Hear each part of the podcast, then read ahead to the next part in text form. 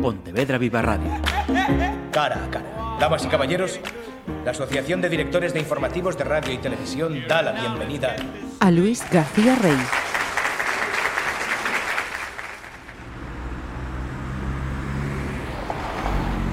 Madrid, miércoles 13 de marzo de 2019. El tráfico era asqueroso, no solo por los coches enredados bajo la lluvia, no solo por las motos que serpenteaban sin control con más veneno que una boa constrictor, no solo por el aire denso del mes de marzo en Madrid, sino sobre todo por los conductores. Pocas cosas le dan más asco a la gente de policía Axel Nash que un ser humano random que trata de guiar un vehículo cualquiera le daban asco todos y cada uno de los modelos de conductor. Los dividía en dos tipos, los listos y los subnormales. No era una clasificación demasiado compleja y sin embargo le parecía muy acertada. No sabía decir cuál era peor, dependía del día. Los listos eran los que se metían sin intermitente, los que se saltaban la cola en una salida, los que daban un volantazo en línea continua, los que aceleraban cuando un semáforo se ponía en ámbar. Los subnormales eran los que se quejaban airadamente cada vez que Axel se comportaba como un listo. De un vistazo lo reconocía. Tatuaje, un listo. Gafas, subnormal. Pulserita con la bandera de España, un listo. Ambientador en el salpicadero, subnormal. Y así. Si al volante iba una mujer, se sentía menos violento. Las prefería, sin duda alguna. Las prefería, sin ninguna duda. Era miércoles. Axel no llevaba en el coche más que 15 minutos y ya le habían puesto de mala hostia. No ayudaba en absoluto a controlar su mal carácter en la carretera el hecho de haber tenido que madrugar. ¿Cómo alguien puede ser medianamente feliz teniendo que hacer esa mierda a diario? Afortunadamente, la vida había llevado a la gente de policía Axel Nash por otro camino, y ese camino le permitía despertarse sin sobresaltos, sin prisas, y lo que es más importante, sin despertador. Puto cacharro del infierno. Si bien su vida no había dado ningún giro drástico en los últimos tiempos, ahora se veía en la obligación de madrugar, tres veces por semana, los días que le tocaba correr. Traumático. Era una obligación elegida, y esas son las peores obligaciones porque te convierten de la noche a la mañana en tu peor enemigo. Solamente el recuerdo del despertador martillando su descanso le producía náuseas mentales. Que su primera sensación al salir de la cama fuese su propio ácido láctico mordisqueándole las piernas tampoco le ayudaba. Asco de agujetas. Definitivamente odiaba correr. Y sin embargo, salía puntual, Madrugón sí, madrugón no, a su cita con el sufrimiento y las endorfinas. En el fondo sabía que la disciplina era la única forma de cruzar la meta de su primera maratón, el 21 de mayo en el Parque del Retiro de Madrid. Su primera maratón y probablemente la última. Axel siempre quiso ser más alto y desde que había empezado a correr, ese deseo se agudizó. Su metro ochenta de estatura no le ayudaba demasiado a mejorar sus marcas Echaba de menos el favor de unas piernas finas y largas, kilométricas, como las de los kenianos de las grandes pruebas. Eso sí ayudaba. Para compensar, los tres kilos que se había dejado entre cuesta y cuesta le estaban prestando auxilio. Si hasta se había rapado el pelo al uno. Por la aerodinámica, joder. Estaba deseando tener una persecución a pie para ponerse a prueba. Un bocinazo seco le arrancó de cuajo de sus pensamientos. Un mocoso intentaba colarse justo antes de, llegar a la salida 19 de la carretera de Colmenar y casi le embiste. Era un Ford Fiesta blanco con un jersey amarillo. ¿Qué quieres, listo? ¿Que eres un listo? El pisotón al acelerador le levantó las pulsaciones. Pero no has pasado listo, que vas de listo y no. Ponte ahí atrás, montón de mierda. Un día reviento, te lo juro. Cuando su vehículo entró en el aparcamiento del Colegio Público Vallehermoso, el reloj luminoso del salpicadero marcaba las 11.49, 60 minutos sobre la hora real, las 10.49. Axel el cambio de hora le parecía una memez. En eso era más británico que nadie, así que ni se molestaban a aprender a utilizar el cuadro de mandos del coche y mucho menos a leer el manual de instrucciones. Total, son solo unos meses, y para algo tenían que servir las matemáticas. Que mi apellido Nash, coño. Era abandonar el coche y su temperamento se hacía más dócil de manera inmediata, como si alguien pulsase un interruptor. No sabría decir si ahora estaba en on o en off.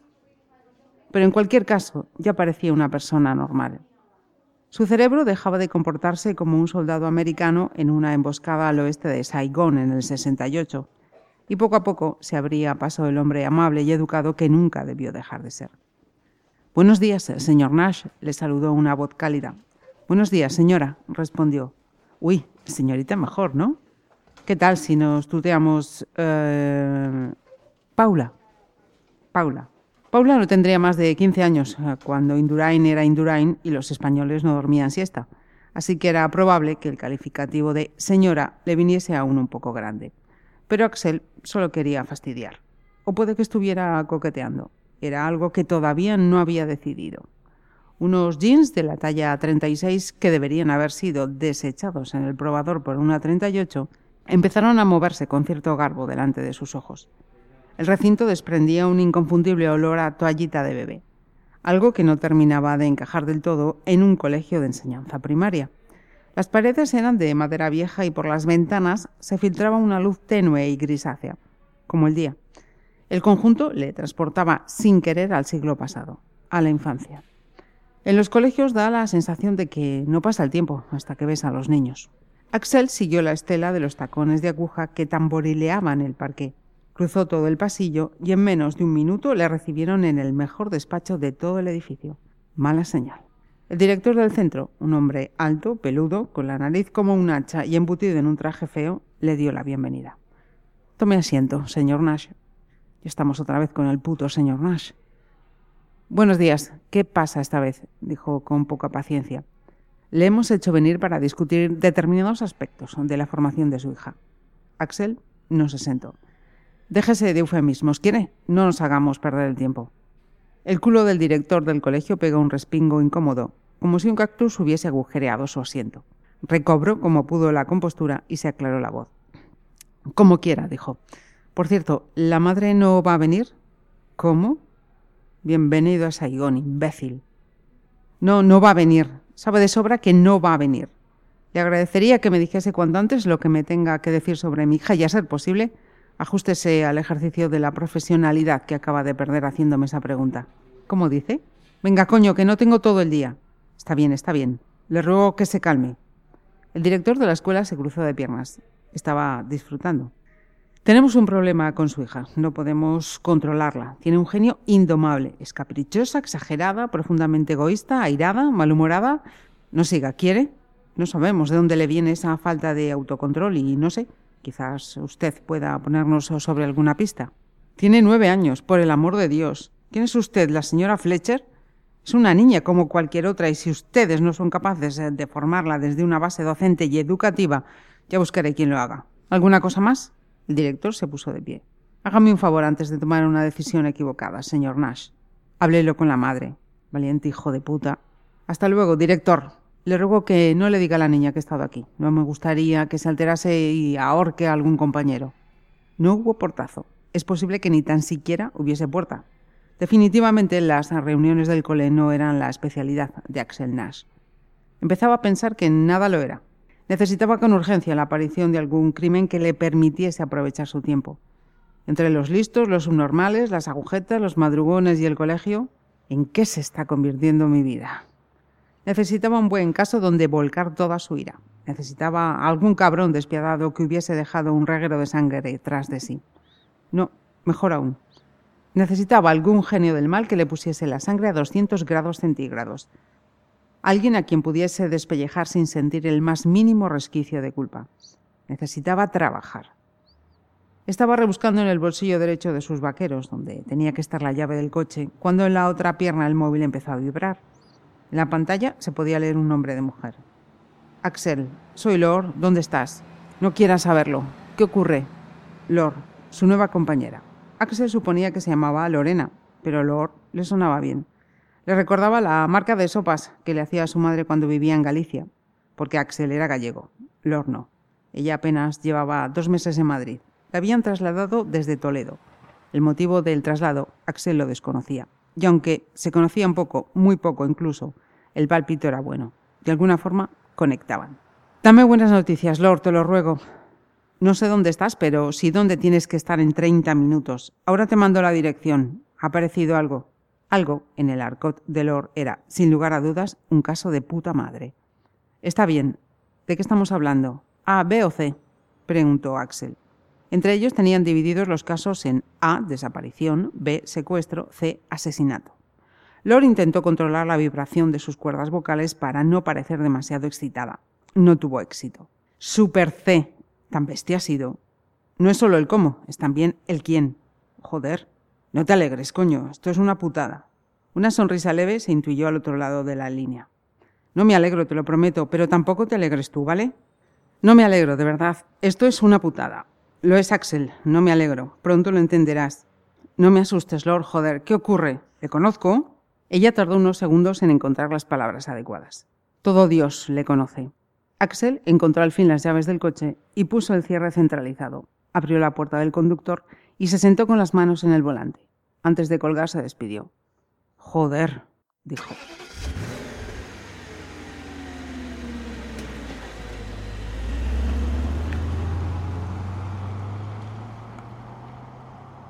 Luis García Reyes es un nombre, un rostro y una voz popular.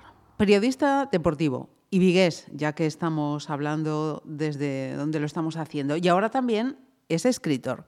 Debuta con un thriller policíaco titulado Axel, que promociona desde su lanzamiento este, este mismo enero. Así que lo primero, Luis, gracias por este tiempo y cómo está siendo esto de cambiar la dirección de los micros, ser tú quien responde y otros quienes preguntamos.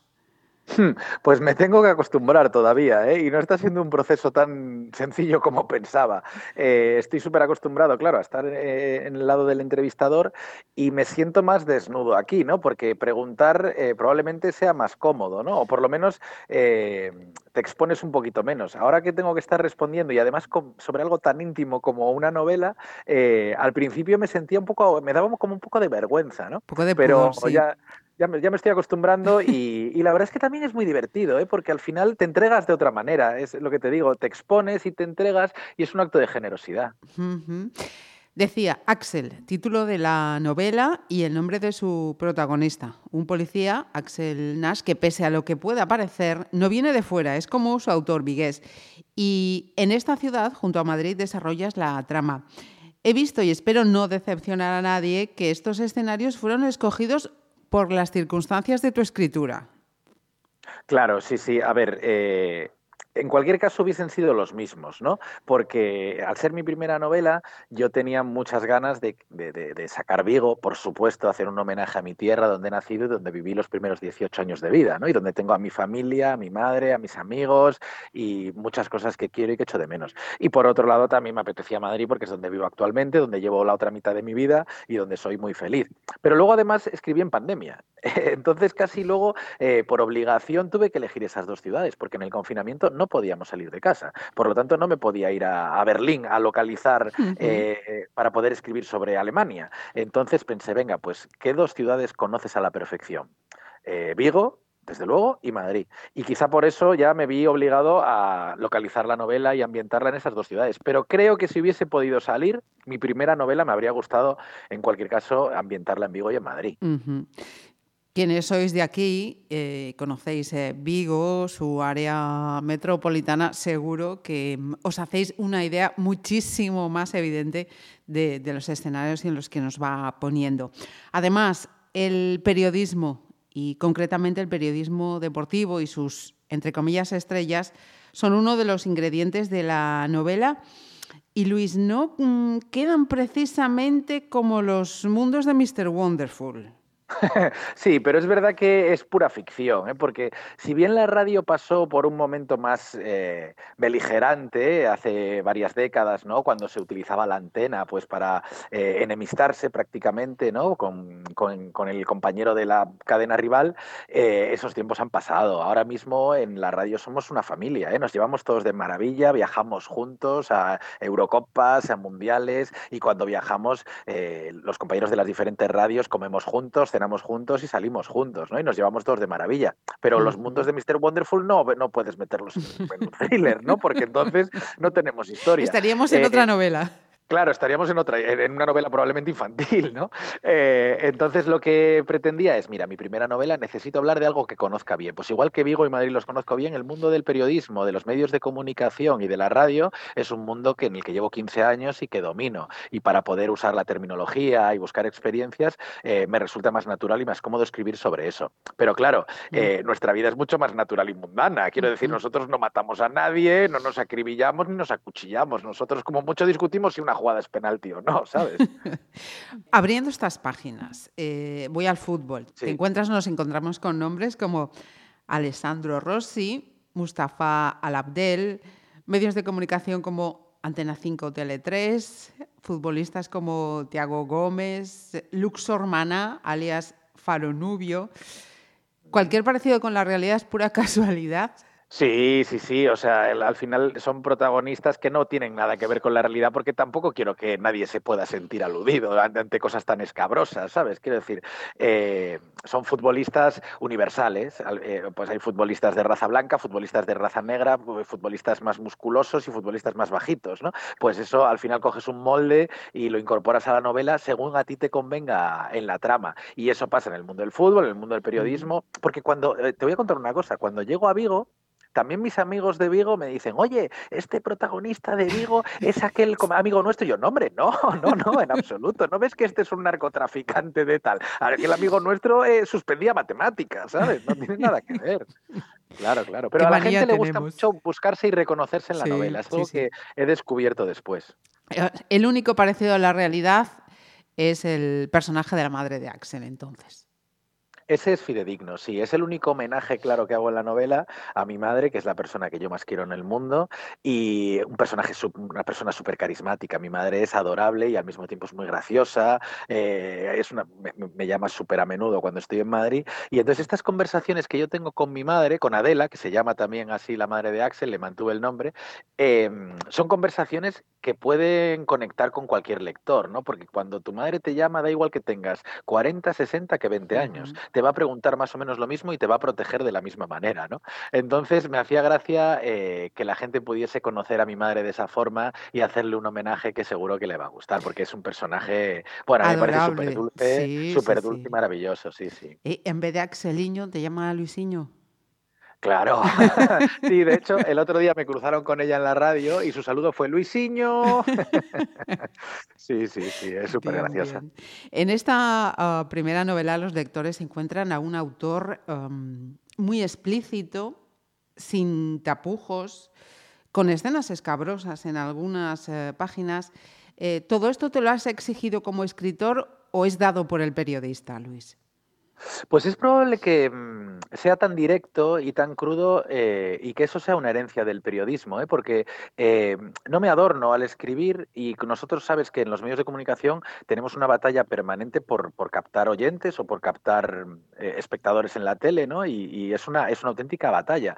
Y lo mismo pretendía o intenté con la novela y me salió de manera natural y es captar la atención del lector desde la primera página. Entonces no me adorno, voy permanentemente al grano, soy muy directo escribiendo.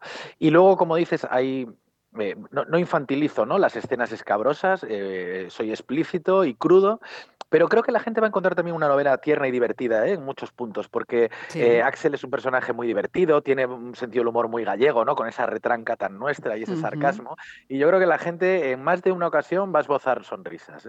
Sí, se consiguen.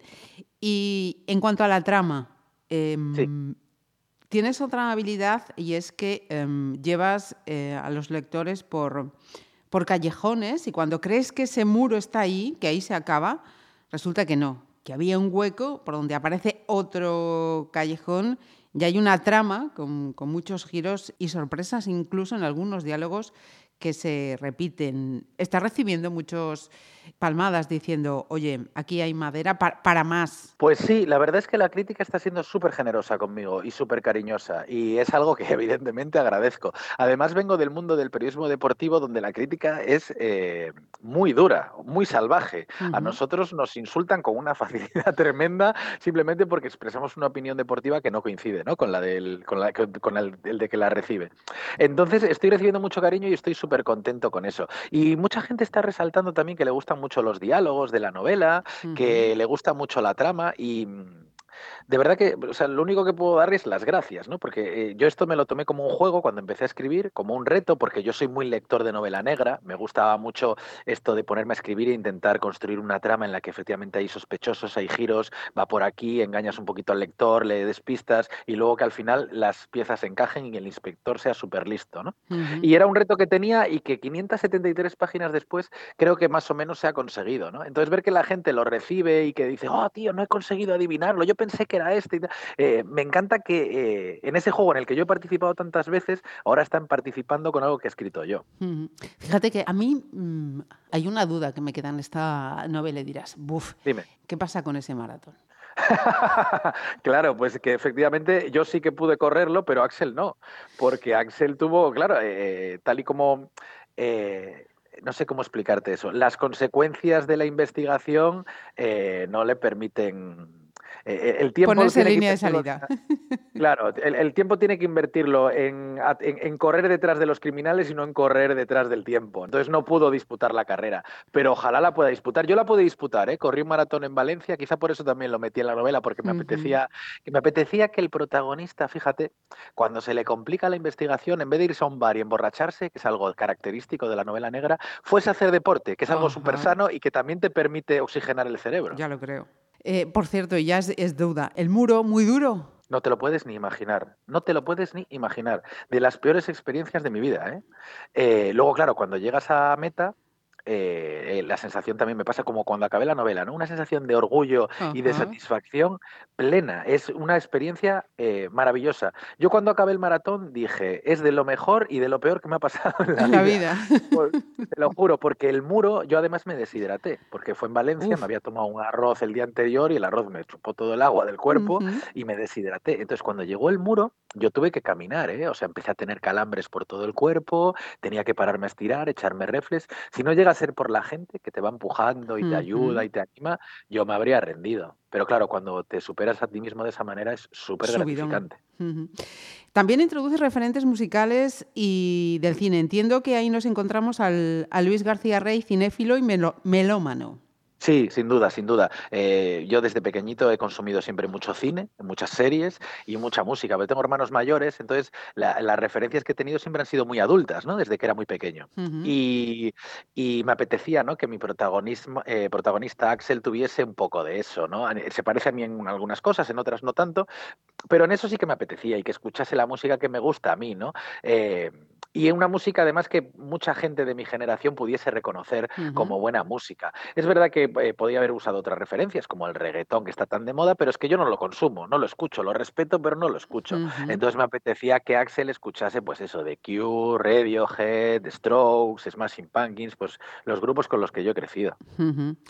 Eh, te veo que te ha picado mucho el, gusanillo. ¿Habrá más títulos? ¿Se te ha quedado ahí enganchado esa, esa vena? Sí, sí, sí, yo espero que sí. Es que además como lo que estoy recibiendo es tan emocionante y me hace sentir tan bien, eh, a mí me gusta, yo soy una persona feliz y me gusta ser feliz. Entonces, eh, esto alimenta mi felicidad. Así que mi idea es seguir escribiendo. Lo que, pasa, lo que pasa es que, claro, yo escribí en unas condiciones muy concretas que fue en la pandemia y no, no, se van a producir otra vez, ¿no? Lo que necesito es organizarme porque, claro, sigo la tele, sigo la radio, trabajo también en la universidad y ahora estoy con la promoción de Axel. Entonces, vamos a disfrutar de Axel y a ver si en algún momento consigo organizar mi agenda y, poder ponerme a ello. otra vez.